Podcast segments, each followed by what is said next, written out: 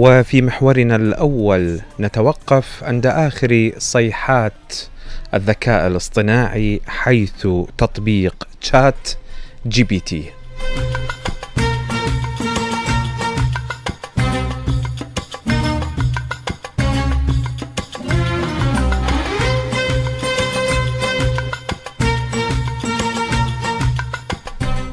يستمر الذكاء الاصطناعي ومن يقف خلفه في آه، تطور وتقدم البشرية وبشكل لافت للنظر. وهذه المرة عبر تطبيق يخبرك عن كل شيء تفكر فيه وتحتاج إليه. طبعا التطبيق إلى الآن لم آه، يعرب يعني لم يشتغل وفق اللغة العربية لكنه يشتغل بأكثر من لغة عالمية وعلى رأسها الإنجليزية طبعا. تطبيق تشات جي بي تي هو نسخة مطورة من جوجل. يعني جوجل اليوم أي شيء تسأله يخبرك عنه ويجيبك عليه إن كانت لديه معلومة. تشات جي بي تي هو نسخة أكثر تطورا. أكثر قدرة. هو عبارة عن روبوت يجيبك عن كل شيء تقريبا. حتى أنه اليوم قناة الجزيرة في تطبيقاتها في وسائل التواصل الاجتماعي كانت هنالك ضجة على قاضي في كولومبيا. تصوروا آه، كانت أمامه قضية بخصوص طفل متوحد مصاب بداء التوحد وهذا الطفل لديه حقوق. أشكلت القضية على القاضي فسأل تطبيق جي بي تي بعد أن أعطاه كل المعطيات حول القضية. فأجابه بأن الطفل المتوحد آه، يستحق المعونات أو يستحق النفقة أو ما شابه. بالنتيجة كانت هنالك ضجة آه، أدخلها الإعلاميون بموضوعة القضية الأخلاقية. يعني هل أن تطبيق جي بي تي عندما يدخل في سلك القضاء آه، سوف من الممكن أن يرتكب أخطاء تجاه الناس؟ أو في المجال الطبي. التطبيق تشات جي بي تي أيضا من الممكن أن يسأله أي إنسان حول ما يعانيه حول بعض الأعراض ومن الممكن أن تطبيق جي بي تي يجيبك عن المرض الذي تعاني منه ويصف لك الدواء حتى. تطبيق جي بي تي إذن هو آه، فورة معلوماتية. فورة وليس ثورة. معلوماتية كبيرة. ويبدو أن الذكاء الاصطناعي سيسيطر بالعشر سنوات القادمة على كل مناحي الحياة. اليوم طبعا الذكاء الاصطناعي يشتغل معنا شغل كبير عبر وسائل التواصل الاجتماعي عبر ما نفكر فيه عبر ما نحتاج إليه عبر الوسائل هذه. يصف لنا كل شيء تقريبا. أما تطبيق تشات جي بي تي يدخل في مجال الفضاء يدخل في مجال الطب يدخل في مجال الصحافة والإعلام. تصوروا أن جي بي تي يخبرك عن كل شيء عن كل الأخبار التي آه، تدور حولك في المنطقة التي أنت تعيش فيها وكذلك يخبرك آه، عن عفوا. ومن الممكن أن يكتب عنك أي شيء تريده. يعني من الممكن أن يكتب عنك مقالة. تصوروا.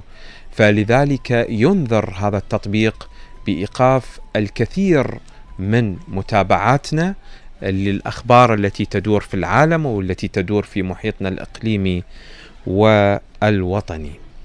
اذا تطبيق جي بي تي مزيد من التفاصيل عنه بصوت سمر حسين. انشغل الناس هذه الأيام وفي هذا العالم الذي أصبح غرفة واحدة تقريبا بمستحدث جديد ضمن التطورات المذهلة في مجال تكنولوجيا المعلومات وهو تطبيق الدردشة المسمى تشات جي بي تي. وتطبيق تشات جي بي تي عبارة عن روبوت أو برنامج يعمل باستخدام الذكاء الاصطناعي يتحاور مع المستخدم ويجيب على ما يطرحه عليه من أسئلة. التطبيق المذكور طورته شركة أوبن أي آي وهي شركة أمريكية تحظى بدعم من شركة البرمجيات الشهيرة مايكروسوفت ومن إيلون ماسك الاسم الأبرز في عالم التكنولوجيا.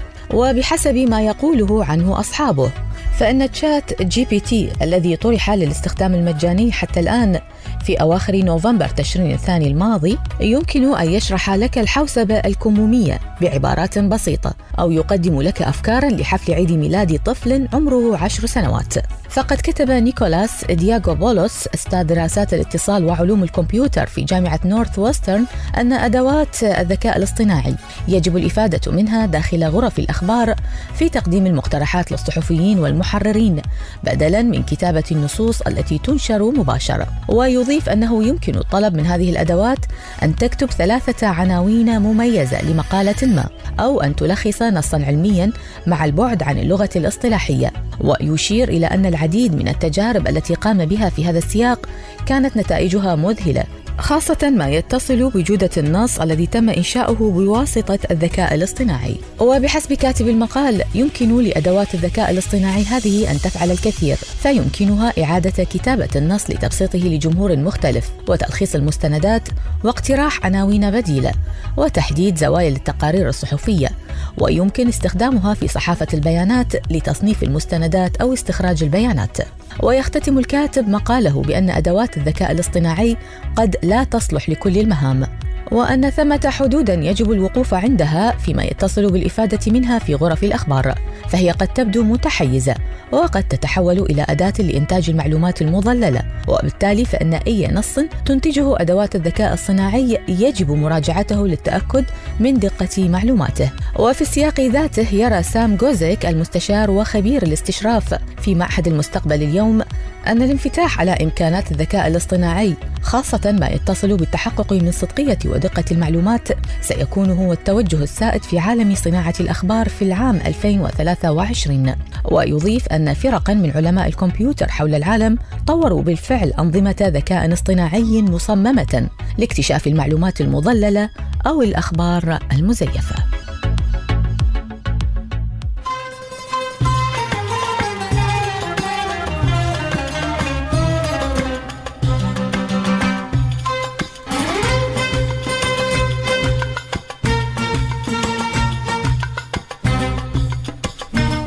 إذا الخوف من أن تكون أنظمة الذكاء الاصطناعي تكون مضللة في بعض الأخبار التي تتحدث عنها أو التي تنقلها إلينا. آه، بالنتيجة يجب الوقوف عندها آه، يجب التوقف عندها تشات جي بي تي المعلومات المتوفرة عنها إنه يفرز الأخبار المضللة عكس وسائل التواصل الاجتماعي اليوم.